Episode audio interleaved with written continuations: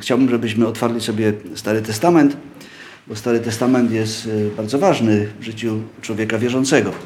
Niektórzy ludzie wierzący uważają, a jak ja się już nawróciłem, to ja już teraz Stary Testament to jest stare, to już minęło i teraz y, tylko Nowy Testament. Okazuje się, że w Starym Testamencie jest bardzo wiele y, mądrości zawartych, wskazówek i obrazów oraz ostrzeżeń, które musimy sobie wziąć do serca.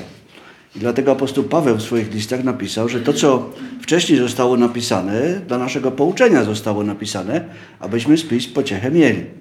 I to jest y, bardzo ważne, żebyśmy również w Starym Testamencie mogli zobaczyć to, co Pan Bóg chce do nas powiedzieć. Y, myślę, że y, w, kiedy byliśmy w jak to się nazywa? Bielicach, o przepraszam, Bielicach, to mogliśmy właśnie zobaczyć te obrazy niektóre, które Pan Bóg nam już na pierwszych kartach Biblii przedstawia, a które pokazują nam wydarzenia mm, mające miejsce wiele wieków później i wypełniające się wiele lat później. I dlatego chciałbym, abyśmy dzisiaj otwarli sobie pierwszą księgę Mojżeszową, rozdział 13 i zobaczyli tam pewien urywek z życia jeszcze Abrama, a później Abrahama. Przeczytamy może ten rozdział, on nie jest długi, ale zawiera pewną historię. Rozdział 13 pierwszej księgi Mojżeszowej. Wyruszył tedy Abram z Egiptu z żoną swoją i wszystkim, co do niego należało, do Negewu, a Lot był z nim. A Abram był już bardzo zasobny w trzody, srebro i złoto. I wędrował, zatrzymując się na postojach z Negewu aż do Betelu, do miejsca, gdzie poprzednio był jego namiot, między Betelem i Aj. Do miejsca, gdzie przedtem zbudował ołtarz. Tam wzywał Abram imienia Pana. Również Lot, który wędrował z Abramem, miał owce, bydło i namioty. Lecz kraj nie mógł ich utrzymać, bo dobytek ich był tak wielki, że nie mogli przebywać razem. Między pasterzami stad Abrama i pasterzami stad Lota powstał spór, a Kananejczycy i Peryzyci mieszkali wówczas w kraju. Wtedy rzekł Abram do Lota: Niechże nie będzie sporu między mną a tobą i między pasterzami moimi a twoimi Jesteśmy przecież braćmi. Czyż cały kraj nie stoi przed Tobą otworem? Odłącz się więc ode mnie, jeśli chcesz pójść w lewo, ja pójdę w prawo, a jeśli chcesz pójść w prawo, ja pójdę w lewo. Wtedy Lot, podniósłszy oczy, widział, że cały okręg nadjordański, zanim Pan zniszczył Sodomę i Gomorę, był obfity w wodę jak ogród Pana i jak ziemia egipska, aż do Soaru. I wybrał sobie Lot cały okręg nadjordański i wyruszył Lot na wschód, tak rozstali się obaj ci mężowie. A Abram zamieszkał w ziemi kananejskiej, natomiast Lot przebywał w miastach okręgu nadjordańskiego i rozbijał swe namioty aż do Sodomy. A mieszkańcy Sodomy byli źli i bardzo grzeszni wobec Pana. I rzekł Pan do Abrama po odłączeniu się Lota od niego: Podnieś oczy swoje i spojrzyj z miejsca, na którym jesteś, na północ i na południe, na wschód i na zachód bo całą tę ziemię, którą widzisz, dam Tobie i potomstwu Twemu na wieki. I rozmnożę potomstwo Twoje jak proch ziemi, tak, że jeśli kto zdoła policzyć proch ziemi, również potomstwo Twoje będzie mogło być policzone. Wstań i przejdź ten kraj wzdłuż i wstrzeż, bo Tobie go dam. Wtedy Abram zwinął namioty i przybył, by zamieszkać w Dąbrowie Mamre pod Hebronem. Tam zbudował Panu ołtarz. Taka historia. Widzimy na początku e, tego opisu, tej historii, że Abram powraca na swoje miejsce. Co się wydarzyło, że Abram gdzieś wyszedł? Otóż, e, gdybyśmy czytali poprzedni rozdział, to jest tam napisane, że nastał głód w kraju. Nastał niedostatek, czegoś zaczęło brakować. I Abram poszedł do Egiptu. Egipt to jest takie szczególne miejsce w Biblii, gdzie zawsze uciekają Boży ludzie. I to jest ciekawe, bo Egipt y, w Słowie Bożym, w Starym Testamencie jest obrazem tego świata. I To jest taki obraz, który pokazuje nam pewne niebezpieczeństwo. Że my, jako Boży ludzie, czasami możemy pójść do Egiptu za sprawą braku czegoś w naszym życiu.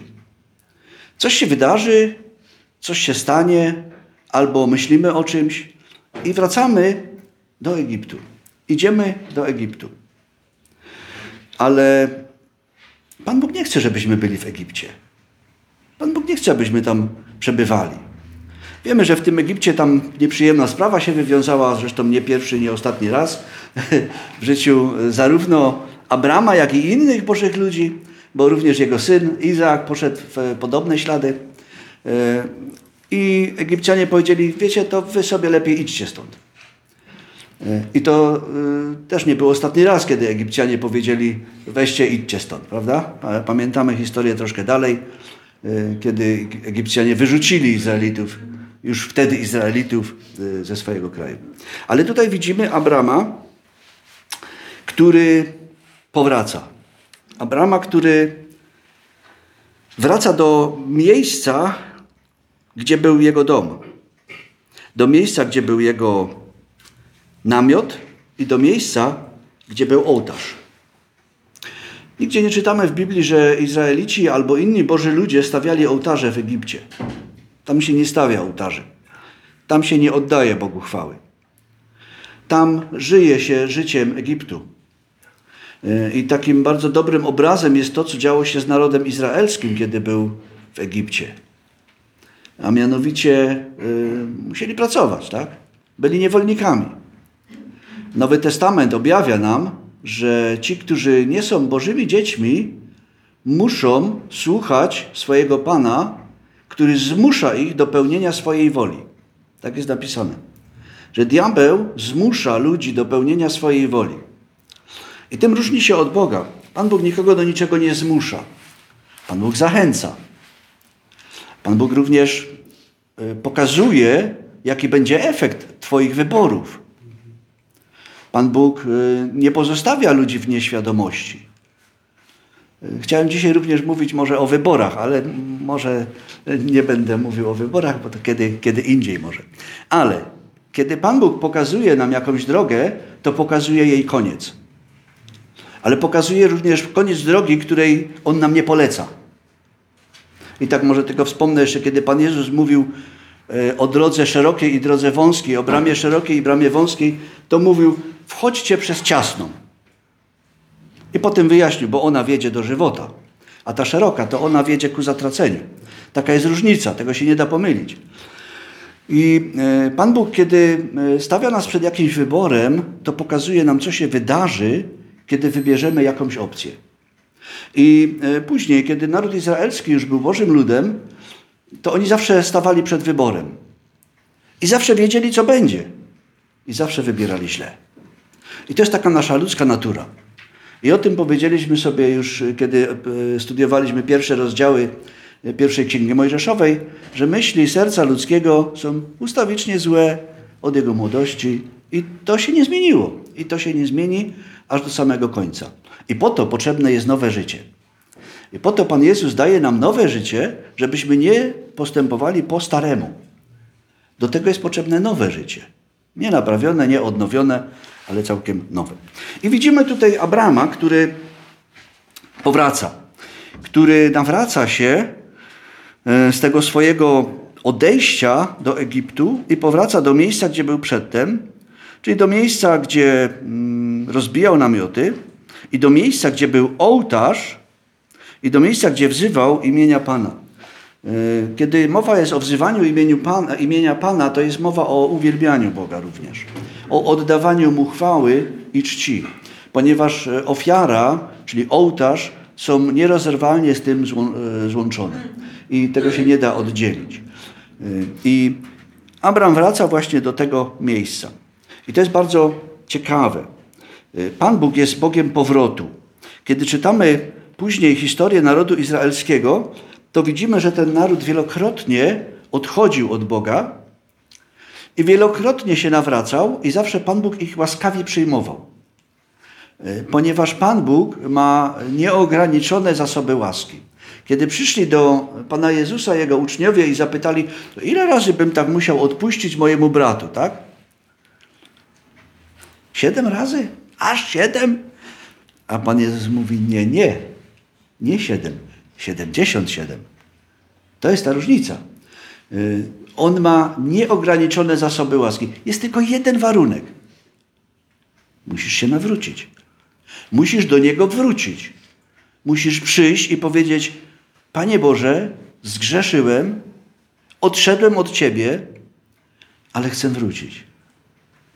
I On Cię przyjmie. Taki jest nasz Pan Bóg. I okazuje nam wtedy swoją łaskę. Kiedy wierzący człowiek zejdzie z tej drogi, którą kroczy, drogi radości i łaski, to zawsze może liczyć na to, że Pan Bóg go przyjmie z powrotem, bo Pan Bóg na niego czeka. I takim wspaniałym obrazem jest to, co opisuje nam Pan Jezus w historii o synu marnotrawnym. Wiecie, ten ojciec na niego czekał. On, on wypatrywał go, bo jest napisane, że kiedy jeszcze był daleko, to ojciec już go widział i wyszedł na jego spotkanie. Y, taki jest nasz Pan Bóg. Pan Jezus kiedyś do Piotra powiedział: Modliłem się o ciebie. Modliłem się o ciebie.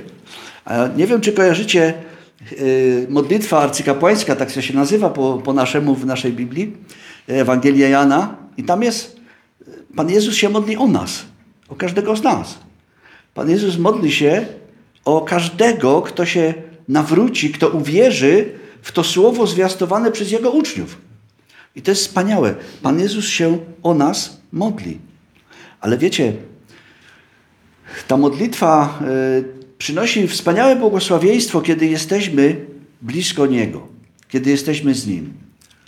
Ale kiedy odchodzimy od Niego, to ta modlitwa może przynieść tak zwane dyscyplinowanie. Każdy z nas wie, co to jest dyscyplinowanie. Jeżeli coś się źle popełni, to Przychodzi ktoś i stawia nas do pionu i mówi: Tak się nie robi. Tego nie rób, wejdź na właściwą drogę. I Pan Bóg robi dokładnie tak samo. Jest napisane, że jako pasterz, jako dobry pasterz, on ma kij i laskę. Kij służył pasterzowi do odganiania dzikich zwierząt, a laska służyła do dyscyplinowania owiec ewentualnie do wyciągania ich z jakichś różnych e, tarapatów, w, które by się e, mogły, e, w których by się mogły znaleźć. I wiecie, ta, taka laska, ona nie była wyłożona, wyścielana miękkim materiałem, no, no taka była dość twarda. I jeszcze miała taki hak na końcu, i on to służyło do zaczepiania, ewentualnie jak trzeba było gdzieś tam wyszarpać tą owieczkę z jakiejś dziury, to pasterz wtedy używał tej laski. To nie było dla owcy przyjemne ale to było zbawienne. Bo to wcale nie jest przyjemne, kiedy y, ktoś nas dyscyplinuje, ale to może uratować nam życie. I to robi Pan Bóg. On y, y, pilnuje swoich dzieci i nie chce, żeby ktoś odszedł od niego. Jeżeli ktoś wchodzi na niewłaściwą drogę, to on go wtedy przywraca na właściwą drogę. I to nie zawsze jest przyjemne ale możemy Bogu dziękować, że On w swojej łasce właśnie to robi, ponieważ On chce nas mieć dla siebie. I takim obrazem tego właśnie, że Pan Bóg chce mieć ludzi dla siebie, był naród izraelski, gdzie Pan Bóg powiedział: Ty jesteś moim pierworodnym synem. I nawet do faraona powiedział Pan Bóg, że wypuść mojego syna pierworodnego e, z Egiptu, tak?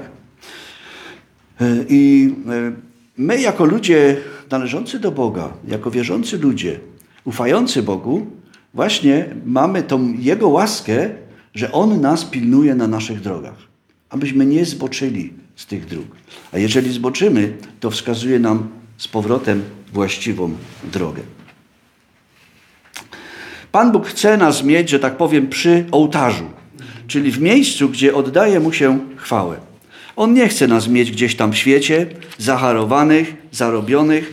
Wiecie, wielu ludzi dzisiaj nie ma czasu na nic, ponieważ pracują od soboty do niedzieli, tak? Czy tam jako to od, od niedzieli do soboty, o tak powiem, bo to y, od soboty do niedzieli to tylko dwa dni by było w tygodniu, tak? Ale nie, pracują siedem dni w tygodniu. I, I, jeszcze nie mają czasu. I jeszcze nie wszystko zrobili. Niech się nie martwią, nie, nigdy nie zrobią wszystkiego. Y, ponieważ nie da się wszystkiego przerobić. Y, ale zawsze trzeba znaleźć czas na to, żeby mieć społeczność z Bogiem. Żeby móc Jemu oddawać chwałę przy Jego ołtarzu, we właściwym miejscu. Y, to nie jest tak, że wszędzie. Y, niektórzy mówią, ja to tam wszędzie się pomodlę i jest dobrze. Oczywiście, jeżeli chodzi o modlitwę, nie ma ograniczeń. Jest, każde miejsce jest dobre do, do modlitwy. Natomiast jeżeli chcemy oddawać Bogu chwałę, to musi to być szczególne miejsce. Kiedy Pan Bóg chciał, aby naród izraelski oddawał mu chwałę, to powiedział: Wyjdźcie stąd i idźcie trzy dni Trzy dni w Biblii to jest taki charakterystyczny e, okres czasu. E, ja to mówię, że to jest taka miara e, Chrystusowa.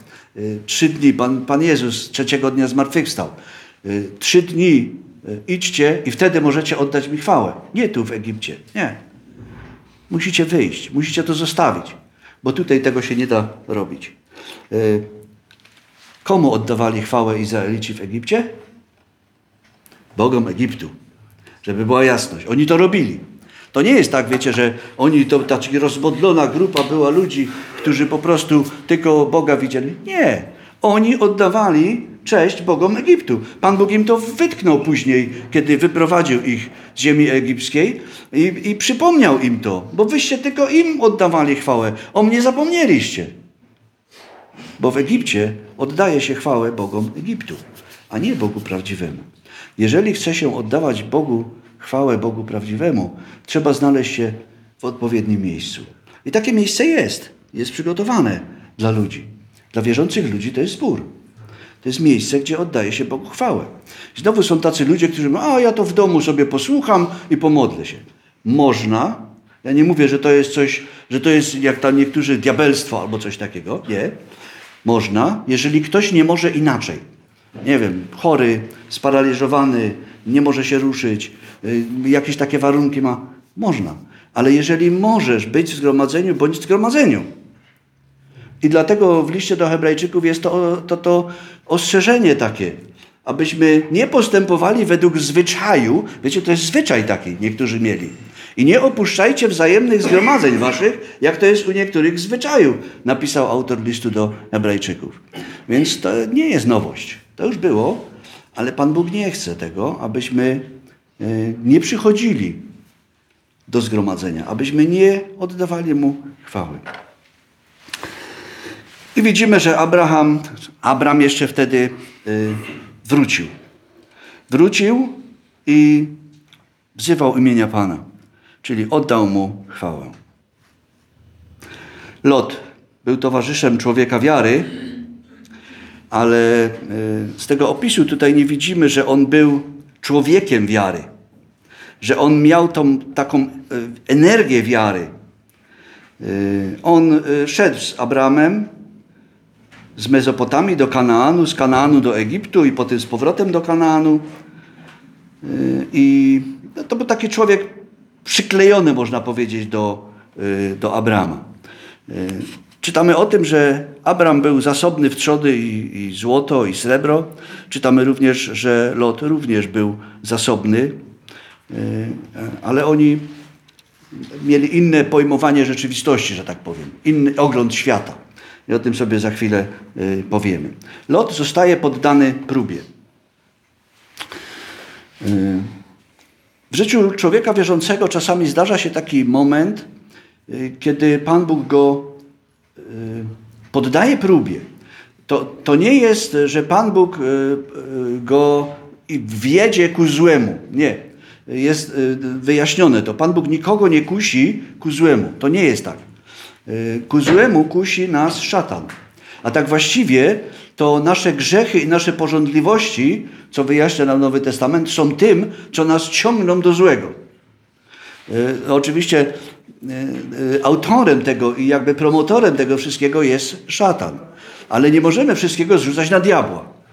Wiecie, jak ktoś ma słabość do alkoholu i się opije, to nie może powiedzieć, a ten diabeł przyszedł i mi kazał się opić. Nie, to y, diabeł działa na to, co jest moje, moją słabością. I dopóki ja się tego nie pozbędę, czyli dopóki nie złożę tego y, u stóp krzyża, y, czyli nie, nie powierzę tego Panu Jezusowi i On mnie z tego nie uwolni, to nie będę wolny. I będę dalej w tym brnął. Będę się krył z tym, będę może starał się, ale dalej to będzie. I tak samo jest z każdą inną rzeczą, która wiąże nas z tym światem. I to, co powiedziałem, Pan Bóg nie wystawia nas na pokusę, ale dopuszcza próby. I wtedy zjawia się kusiciel. Y, kojarzycie Joba? Pan Bóg powiedział, nie ma drugiego takiego. A ten przeciwnik Boży mówi, a to zobaczymy. A Pan Bóg mówi, a to zobaczymy. No i wiemy, co tam się działo, tak? Najpierw pozbawił go majątku, potem pozbawił go, no oczywiście dzieci, potem pozbawił go zdrowia. Y, Pan Bóg powiedział, tylko życie jego zachowaj, tak? Y, to nam pokazuje pewną prawidłowość.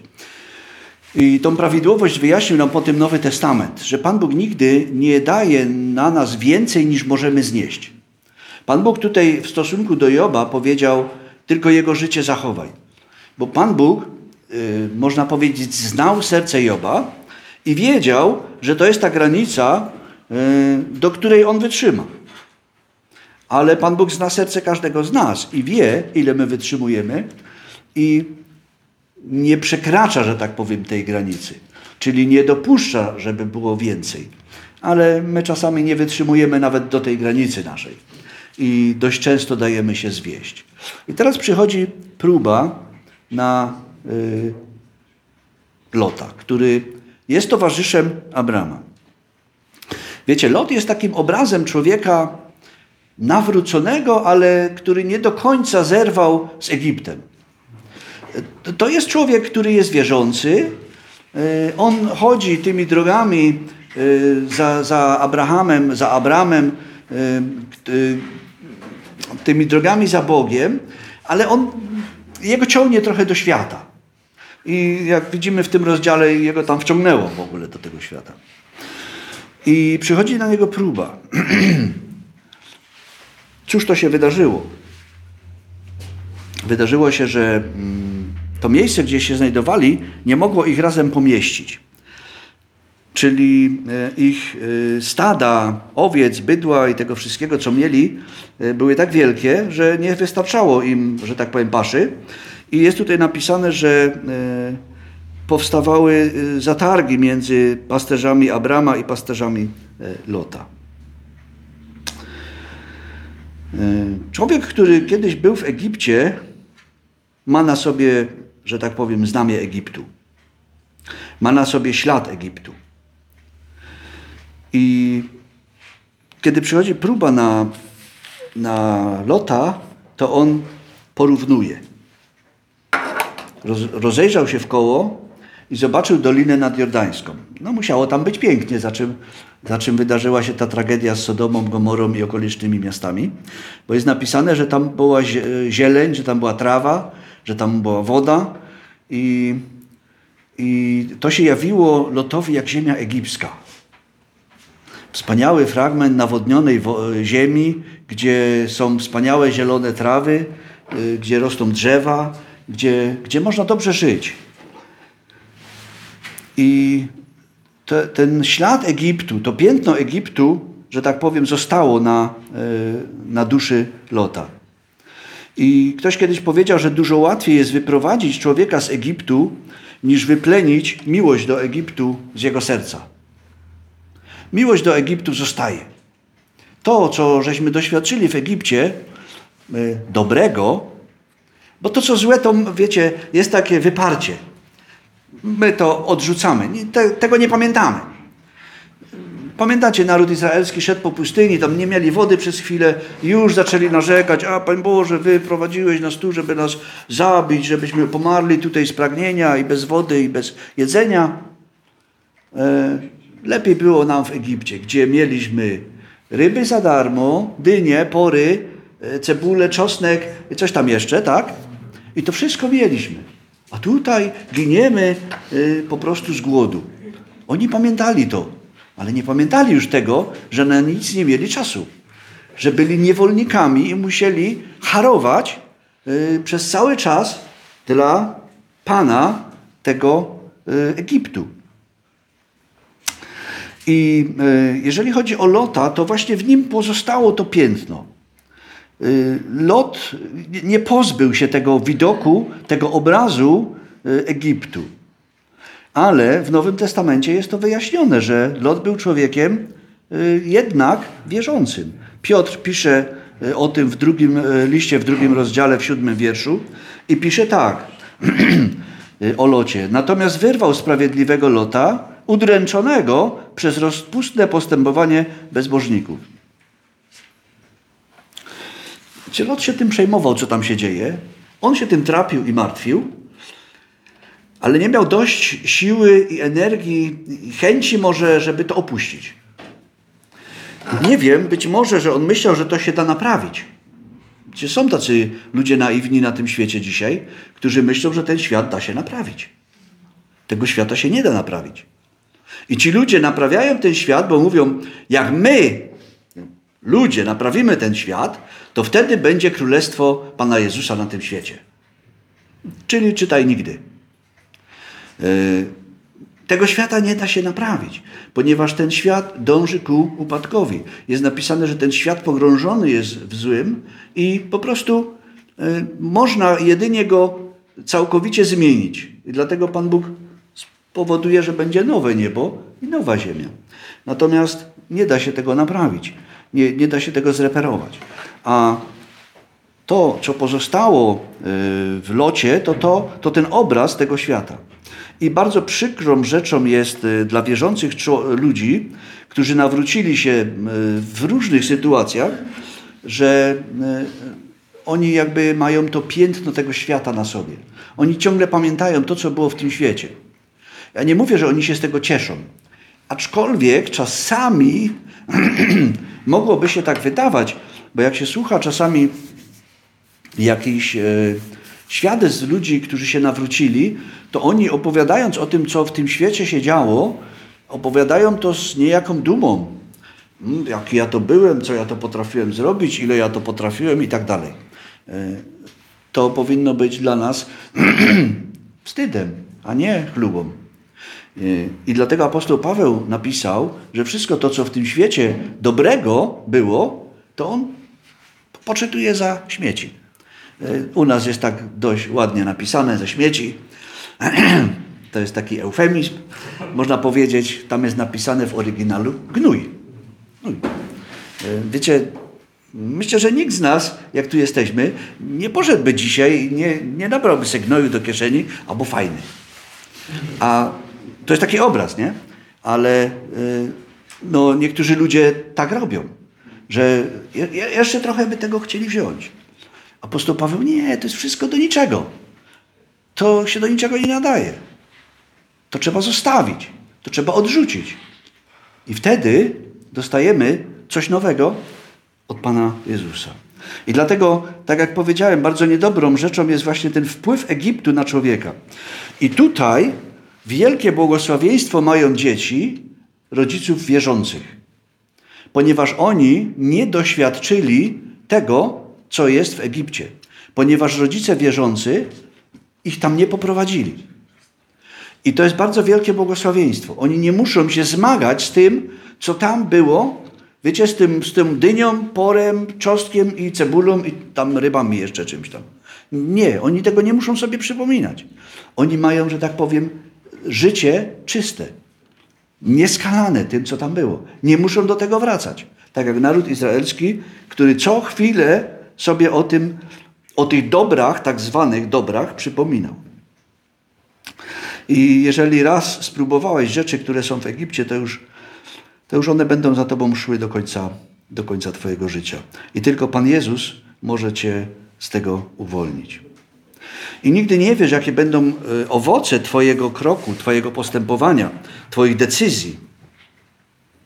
Nie wiesz, co się wydarzy w momencie, kiedy pójdziesz do tego Egiptu.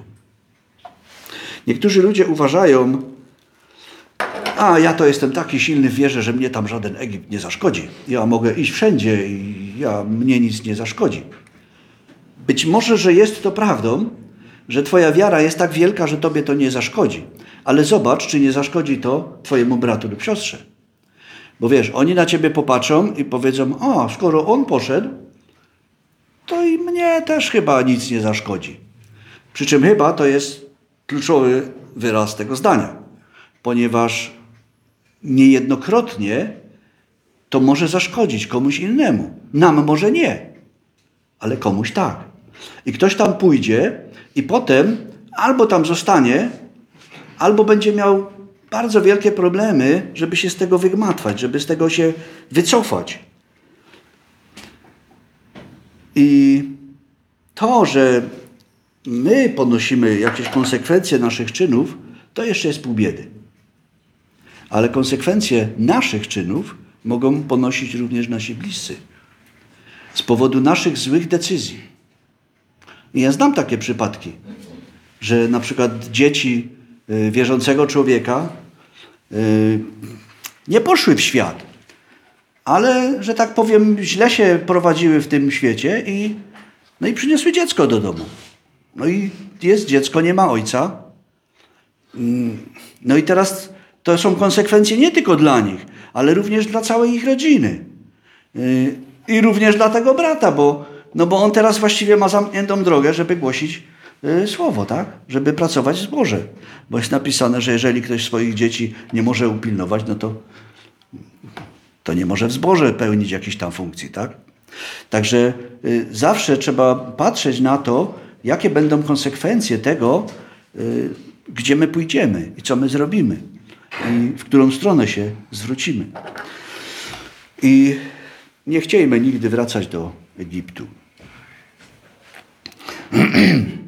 W Nowym Testamencie, w liście do Tymoteusza, apostoł Paweł napisał: Sługa Pański nie powinien się wdawać w spory, lecz powinien być uprzejmy dla wszystkich, zdolny do nauczenia, cierpliwie znoszący przeciwności.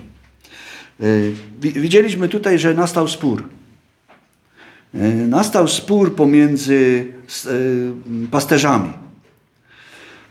I jest tutaj napisane, że oni obaj byli bogaci, że obaj byli zamożni, zasobni i to bardzo często prowadzi do sporów. Ponieważ spory wywołują się przeważnie na tle czegoś, co mamy albo co myślimy, że mamy. E, co jest nasze. Jak coś jest nasze, wiecie, to my tego zaczynamy bronić. I e, dlatego apostoł Paweł, e, i zresztą w Nowym Testamencie jest wielokrotnie powiedziane, poprzestawajcie na tym, co macie. To nie jest tak, że jak ktoś ma więcej, to nie będzie zbawiony, bo są też takie nauki i wiesz, jak masz więcej, to musisz to oddać e, swojemu pasterzowi, on będzie miał wtedy więcej, ale od niego się nie martw, tak? Bylebyś ty był zbawiony. Wiecie, to są takie nauki. I ludzie oddają całe majątki. To się nazywają sekty, tak? E, I wiecie o tym, że większość sekt opiera się na Biblii? Oni wyciągają, wiecie, z Biblii wersety, kompilują je w jakiś tam sposób i ogłaszają światu wielką naukę. I to są wielkie biblijne prawdy, ale przedstawione y, w bałamutny sposób, które zwodzą ludzi. I ludzie po tym idą i słuchają nie tego, co mówi Pan Bóg w Biblii, tylko tego, co mówi ten ich przywódca. I wiele, wielu ludzi dzięki temu pozbyło się swoich majątków, ale również pozbyło się swojego życia, ponieważ nie potrafili tego więcej znieść y, i również popełniało wielu ludzi y, samobójstwo. I teraz oni są bogaci, Pan Bóg im błogosławił, tak? Zresztą Pan Bóg im to obiecał. I zaczynają się kłótnie. A to nie jest dobrze. Jest tutaj napisane, że Kananejczycy i Peryzyci wówczas mieszkali w kraju. Wiecie, ten świat obserwuje wierzących ludzi. Kananejczycy i Peryzyci to. Kananejczycy to są e, potomkowie Hama, tak? W prostej linii. E, kiedy czytamy tam rodowód, rodowody po Noem, to jest napisane, że Ham był ojcem e, właśnie Kananitów. I oni obserwowali, co tam się dzieje między nimi. Oni patrzyli, w jaki sposób oni się zachowują. I dlatego y, to, co przeczytałem z Nowego Testamentu, że Boży człowiek nie powinien się wdawać w spory,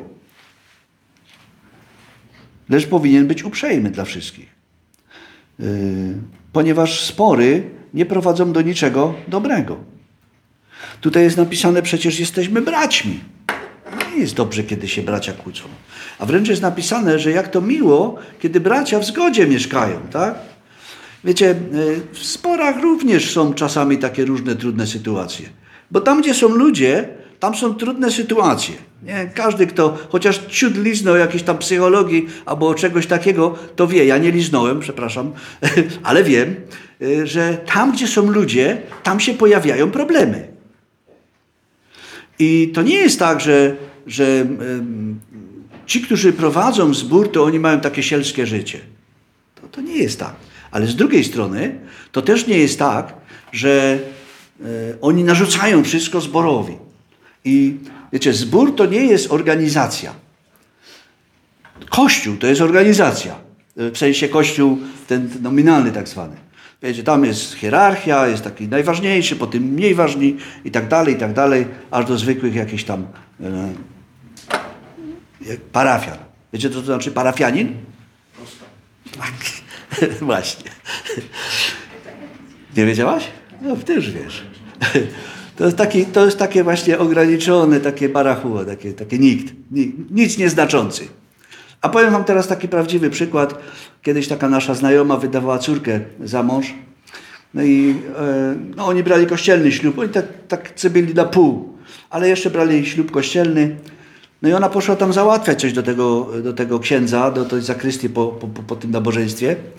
No i jak, jak tam wchodziła do tej zakrystii, tam po cichu, drzwi były otwarte, nie musiała pukać. I słyszy, jak rozmawiają ci księża. I jeden mówi, widziałeś jak bydło płakało, jak mówiłem kazanie? Takie właśnie jest podejście. I, i, i to nie jest dobre podejście. Ponieważ Nowy Testament mówi, wy nie jesteście ustanowieni przełożonymi, ale kim? Sługami. Co znaczy słowo biskup? Biskup oznaczy, oznacza przywódca kościelny, który mieszka w pałacu biskupim. Tak? Nie. Nie. Biskup oznacza cieć po naszemu, stróż. Ktoś, kto czegoś dogląda, pilnuje. Y, ktoś, kto dba o coś. I, i to właśnie jest to. Wiecie, i w takich, czasami w zborach pojawiają się problemy z niczego. Na, na przykład y, zlecono któremuś starszemu albo przełożonemu, żeby kupił krzesła, ale potem się okazało, że one nie miały być zielone, tylko czerwone. No i jest problem, tak? Bo są krzesła nie takie. albo y, pieśni podawane są nie takie, albo muzyka jest nie taka, albo nie ma muzyki, albo cokolwiek. I jest problem. To, wiecie, to nie są problemy. Są ważne rzeczy, o które należy się spierać. I to jest opisane w dziejach apostolskich. Kiedy apostoł Paweł wrócił ze swojej podróży misyjnej do Antiochii, to pojawili się tam Żydzi, którzy powiedzieli: Jeżeli nie będziecie przestrzegali zakonu mojżeszowego, to nie możecie być zbawieni. I wtedy jest napisane, że apostoł Paweł się z nimi, można powiedzieć, pokłócił. On się spierał. On się z nimi po prostu nie zgadzał i to stanowisko odrzucał. I doszło do tego, że wysłali wysłanników do Jerozolimy, żeby się dowiedzieć, jak to jest naprawdę. Więc są ważne rzeczy, o które można się pokłócić i trzeba, ale to są rzeczy, które dotyczą doktryny, które dotyczą, dotyczą zasad, które dotyczą podwalin i fundamentów, ale nie o jakieś bzdurne rzeczy, które gdzieś tam wynikły nie wiadomo z jakiego nawet powodu. Już dzisiaj nikt nie pamięta, ale on coś naskrobał, bo coś tam było o nim. To jest taka zasada w tym świecie. Rzucaj dużo błota, zawsze się coś przyklei, tak? Już nikt nie będzie pamiętał, o czym było, ale o coś tam było, on coś przeskrobał. Y, tego unikajmy, bo jesteśmy braćmi, mówi Abraham.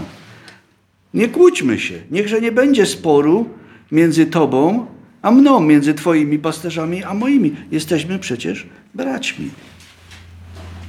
Abraham y, naprzeciwko temu duchowi sporu i walki podszedł całkiem inaczej, podszedł duchem pokoju.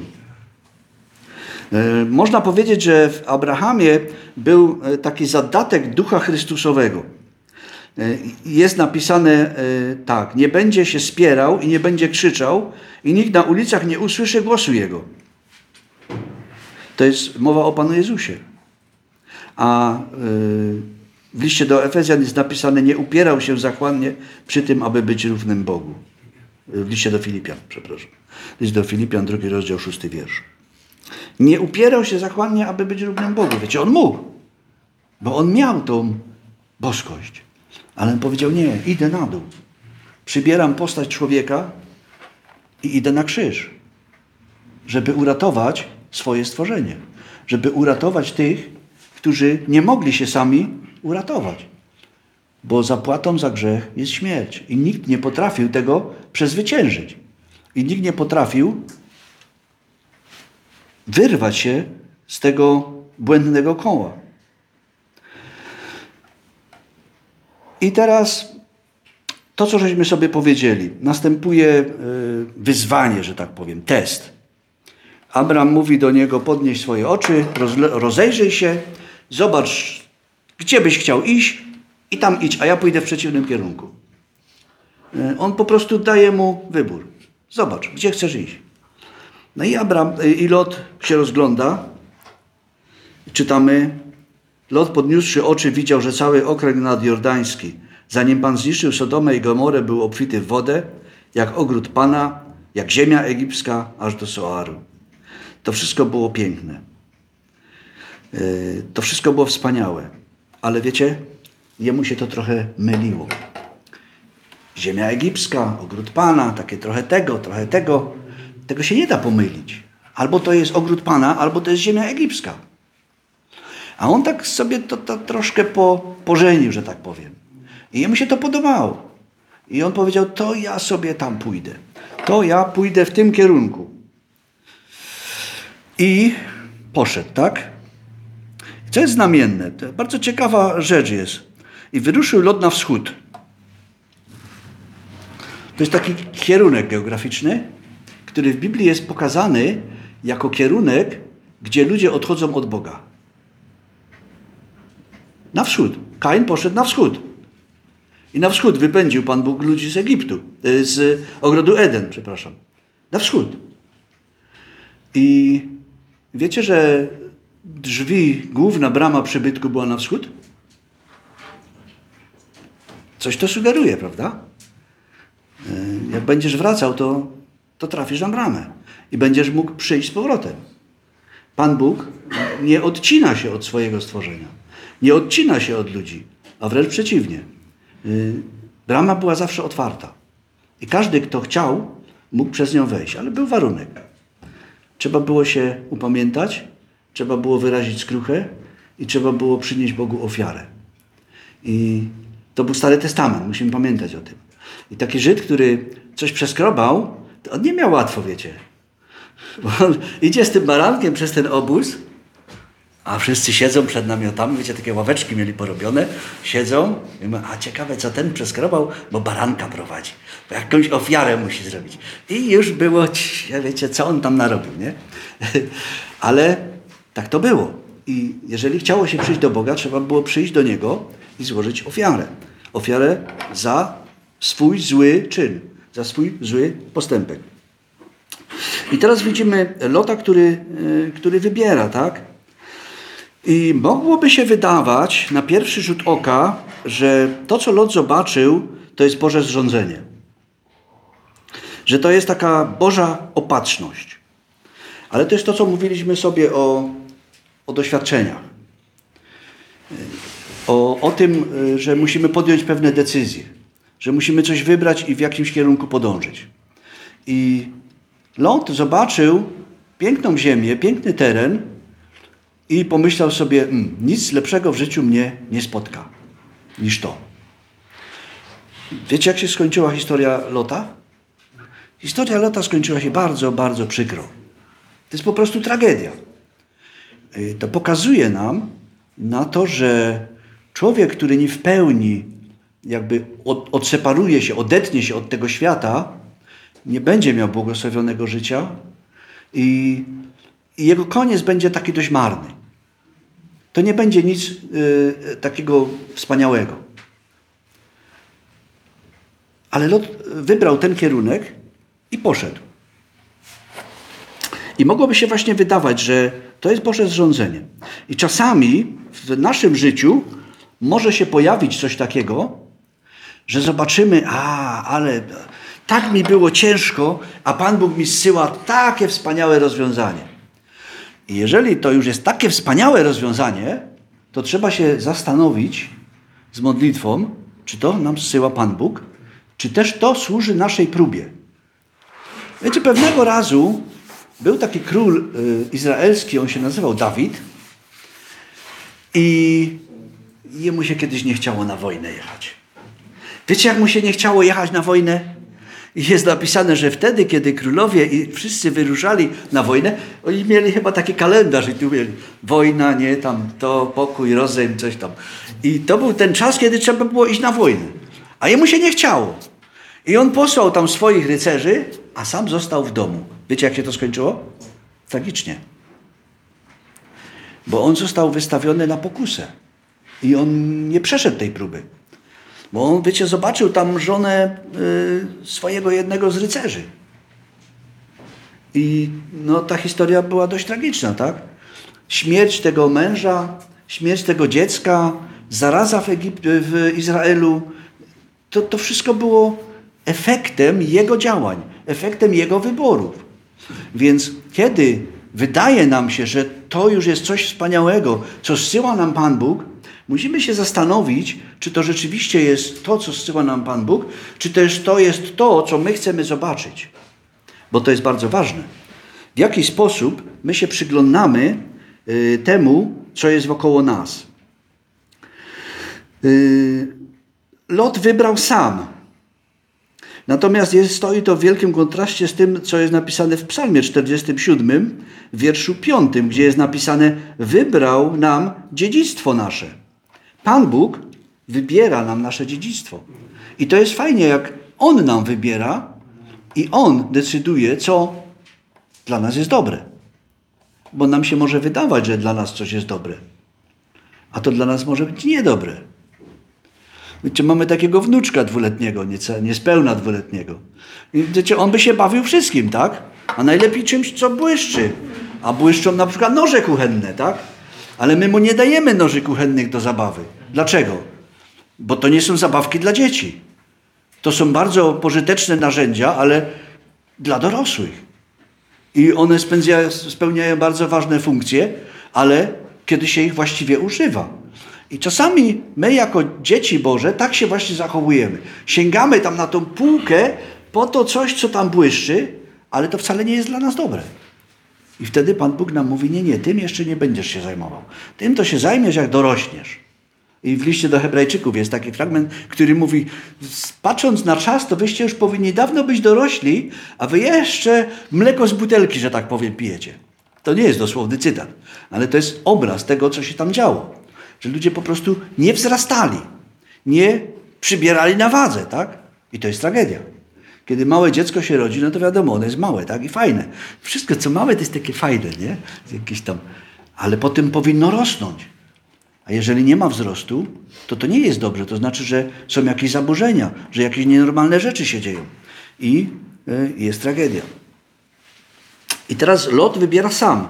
Zamiast zamiast, e, że tak powiem, zwrócić się do Boga e, o doradę, w jaki sposób postąpić i gdzie iść. I Lot tak oszacował pośrodku między ogrodem Pana a Egiptem. I patrząc ludzkimi oczyma, właściwie e, poszedł w kierunku upadku. Pan Bóg nie chce, aby jego wierni upadli, tak? Aby jego wierni poszli w niewłaściwym kierunku.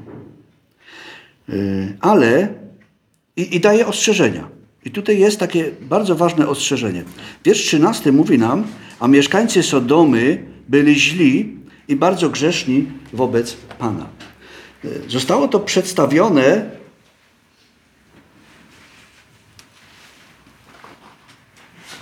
Jacy ludzie mieszkali w okręgu, gdzie udał się Lot? Oni byli źli i bardzo grzeszni wobec Pana. Czy Pan Bóg chce, żebyśmy szli w kierunku takich e, ludzi? E, nie w sensie e, zwiastowania Ewangelii, ponieważ takim ludziom należy zwiastować, ale czy chce, żebyśmy mieli, że tak powiem, społeczność z takimi ludźmi? To jest po prostu wbrew naturze wierzącego człowieka. To jest wbrew naturze owieczki iść i zamieszkać w jamie wilka na przykład. To ona tam nie pójdzie nigdy. Bo nie będzie, ona się będzie bała, tak? To, to nie jest jej natura. E, Lot poszedł tam czytamy, że, że tak szedł, szedł, przebywał w miastach okręgu nadjordańskiego i rozbijał swe namioty aż do Sodomy. Czyli wreszcie tam utknął. Wiecie, jest taki psalm, który mówi o chodzeniu, staniu i zasiadaniu. Psalm pierwszy. To jest fundament psalmów. Psalm pierwszy. To jest fundament psalmów. To są dwie drogi. To jest to, o czym Pan Jezus mówił. I najpierw idziesz, potem się na chwilę zatrzymasz, a potem już tam siedzisz. To są bezbożni. I on zrobił dokładnie to samo. Najpierw sobie tam chodził, potem tam się przemieszkiwał, a potem już czytamy, kiedy przyszli aniołowie, żeby go uratować, to co on robił?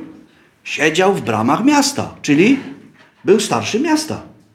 Był człowiekiem, yy, który coś tam w tym mieście mógł powiedzieć, tak? Aczkolwiek oni nie bardzo go chyba poważali, bo kiedy wyszedł do nich, nie wiem czy pamiętacie tę historię dokładnie, ale kiedy wyszedł do nich, jak oni tam napierali na ten jego dom, żeby tych aniołów, tam, daj ich tutaj, to my sobie tam z nimi e, pourzędujemy trochę, tak? E, I on wychodzi i mówi, no panowie, no co robicie, nie tego. A oni mówią tak, a tyś tu jedyny obcy przyszedł i będziesz nas uczył? Więc on tam nie miał za dużo do powiedzenia. I to pokazuje nam również na to, że jako wierzący ludzie yy, nie mamy za dużo do powiedzenia w tym świecie, jeżeli chodzi o, o sprawy tego świata. I nie uda nam się, nawet będąc w bramie miasta, czyli będąc w jakichś władzach, naprawić niczego. Czy Lot coś naprawił w Sodomie? Nie, jest tylko napisane, że on się tylko trapił tym, co się tam działo. Że on tylko się przejmował tym, co działo się wokoło niego. Źle wybrał, patrzył niewłaściwie, w niewłaściwy sposób, gdyby patrzył z wiarą, zobaczyłby, co tam się dzieje w tej Sodomie, yy, poszedł w niewłaściwym kierunku, zasiadł w niewłaściwym miejscu. Potem wiemy, że to jego życie, tak jak żeśmy sobie już wcześniej powiedzieli, skończyło się dość marnie i, i dość tragicznie.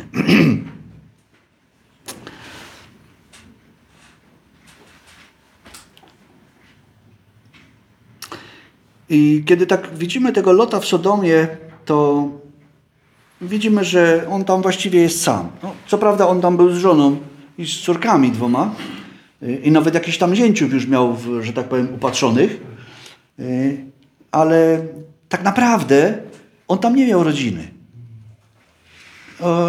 Wiemy, że kiedy doszło co do czego, to ci aniołowie ich wyszarpali y, z, tego, z tej Sodomy. Mówiliśmy sobie o tym że to jest jedyne miejsce w Biblii, gdzie jest napisane, że aniołowie prowadzili kogoś za rękę.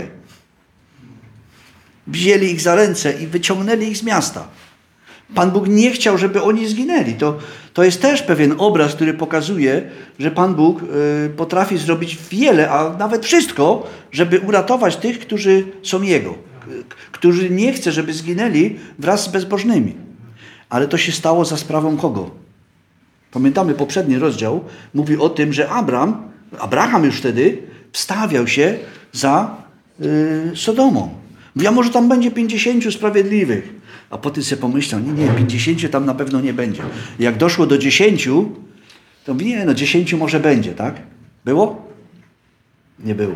Właściwie tam był jeden sprawiedliwy. Piotr o tym pisze, że sprawiedliwy Lot. E, bo nawet jego żona, która wyszła, została wyciągnięta e, z tej e, Sodomy, się, że tak powiem, wróciła. To nie chodzi o to, że ona się odwróciła popatrzeć. Nie, nie. To nie jest ta myśl. Ona się odwróciła, bo ona chciała wrócić do tego, co tam było. Bo to ją ciągnęło, to ją tam trzymało. I to spowodowało, że została ukarana za to. A te córki jego Wiecie, one na tyle długo już w tym świecie były, że po tym to one doszły do wniosku, a wiecie, jedna mówi do drugiej, wiesz, zrobimy tak, jak się robi w tym świecie. Najgorzej jest, jak w rodzinie wierzącej y, dzieci mówią, a to zrobimy tak, jak się robi w tym świecie. To nie jest dobrze, tak jak się robi w tym świecie. I wiemy, że tam wcale nie było dobrze po tym, jak zrobiły tak, jak się robi w tym świecie. Y, I, i to, no to była taka ogólnorodzinna y, tragedia. I ten Lot nie miał tam rodziny w tej Sodomie. On tam właściwie był sam, zdany sam na siebie. I jest to wielki kontrast w stosunku do tego, co się działo z Abramem. Abram mieszkał w Hebronie.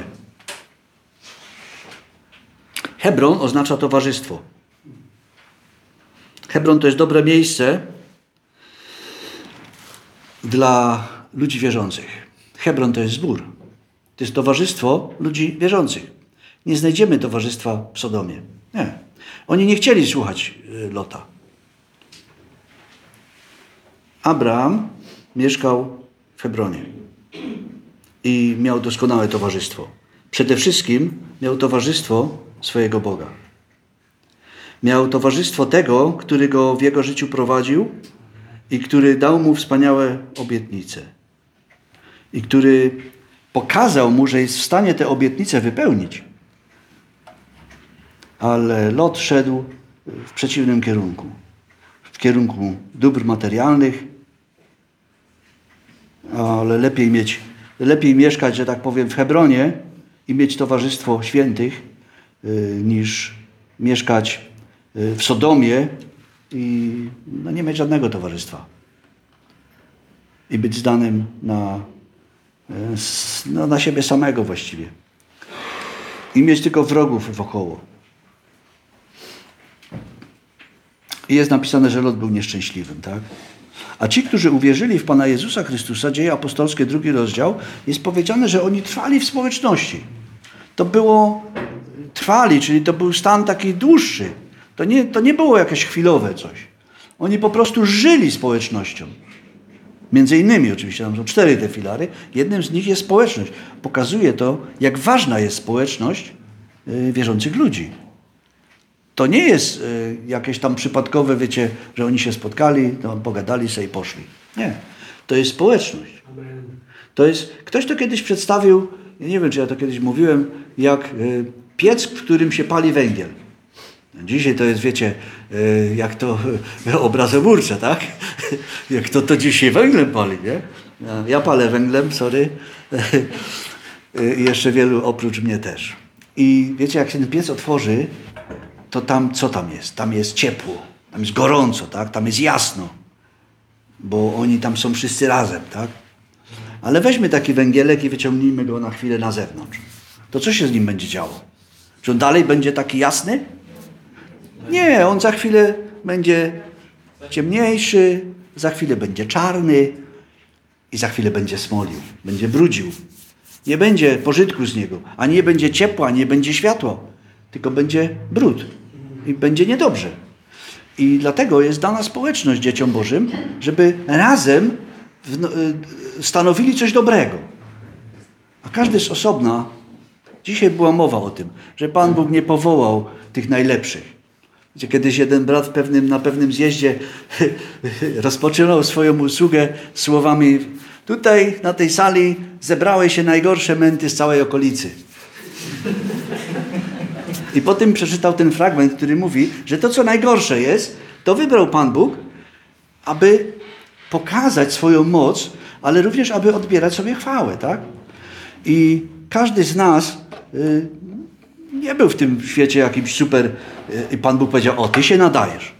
Wiecie, to tam super bohaterzy są, oni tą ekipę zbierają, a ty to potrafisz tam z prędkością światła, a ty to coś tam, a ty jeszcze tam coś, to będziecie do mnie. Nie, Pan Bóg to bierze, a ty się do niczego nie dawałeś, to ty będziesz dobry, a ty to, to ty też będziesz dobry. I, I w sumie robi zbór, robi kościół swój. I to jest wspaniałe, że Pan Bóg potrafi takie rzeczy robić, y, o których ludziom y, no, nawet się nie marzy. Ludzie by chcieli takie rzeczy robić, ale nie potrafią. Y, I tak to właśnie jest. Y, ale mm, wracajmy tutaj do naszego tekstu. Lot z powodu swojego wyboru właściwie całe swoje życie był nieszczęśliwy. Abram, Abram z Abramem było inaczej. Czytamy tak. I rzekł Pan do Abrama po odłączeniu się Lota od niego. Podnieś oczy swoje i spojrzyj z miejsca, na którym jesteś, na północ i na południe, na wschód i na zachód, bo całą tę ziemię, którą widzisz, dam Tobie i potomstwu Twemu na wieki. Abram również się rozglądał, tak? Czytaliśmy wcześniej, że Lot się rozglądał. Abram się również rozglądał, tylko on patrzył troszkę inaczej.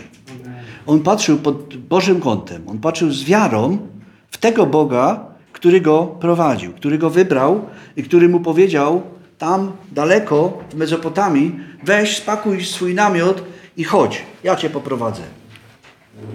Że każdy z nas, jak pakuje się na drogę, to co pierwsze bierze? Najpierw bierzemy mapę, tak?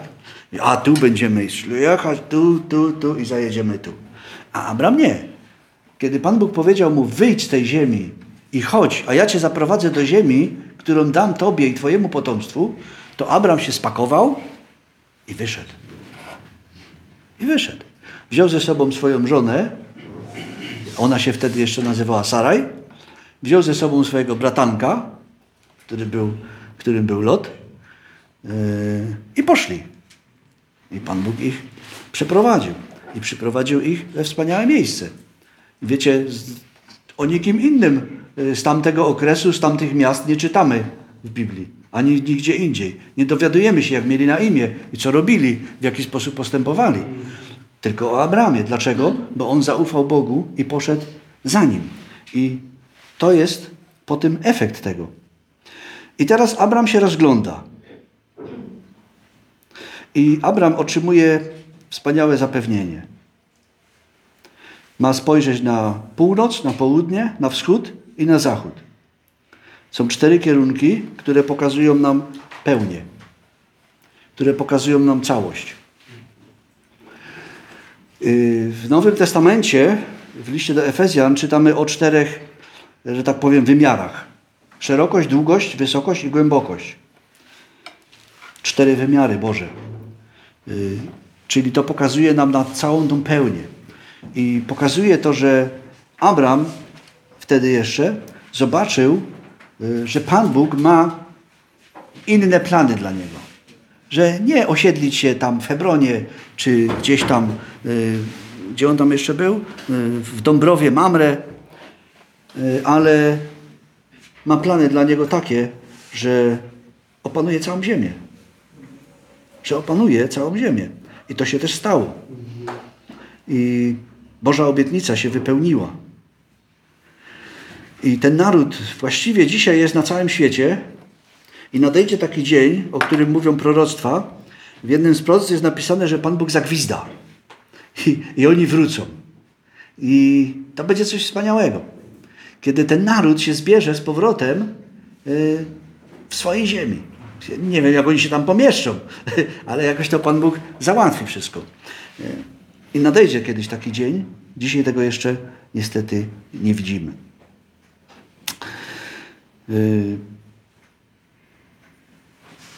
bardzo ważną rzeczą w życiu człowieka wierzącego jest to, aby potrafił się wyrzec swojego, y, swoich jakichś roszczeń albo swoich chęci, marzeń, i tego wszystkiego, a zaufał Bogu. Bo zobaczcie, co się stało. No Lot wybrał fajną ziemię, tak? Ona z daleka wyglądała jak ogród Pana, ale zakończyło się to nie, nie za bardzo dobrze dla niego. Natomiast Pan Bóg nie kazał wybierać Abramowi niczego. On mu się kazał tylko porozglądać. I mu powiedział, to wszystko będzie należało do Twojego potomstwa. I to jest wspaniałe. Pan Bóg ma inne inny ogląd sytuacji niż my. I kiedy Jemu zaufamy, to również możemy w taki sam sposób widzieć. I bardzo właśnie ważną rzeczą jest wyrzeczenie się tego, co jest moje, a przyjęcie tego, co, e, co jest Chrystusowe. Wtedy widzimy Boże zamiary, które ma w Chrystusie. Szerokość, długość, wysokość i głębokość. I teraz na sam koniec jeszcze nazwy miejscowości, E, pod koniec tego rozdziału są dość znaczące, że tak powiem, są dość sugestywne, ponieważ Mamre oznacza energia albo wigor, a Hebron, tak jak powiedzieliśmy, oznacza towarzystwo i sugerują one duchową energię i duchowy wigor w miejscu, gdzie jest społeczność takich samych wierzących ludzi i gdzie możemy się nawzajem budować i nawzajem wspierać. Amen. Amen.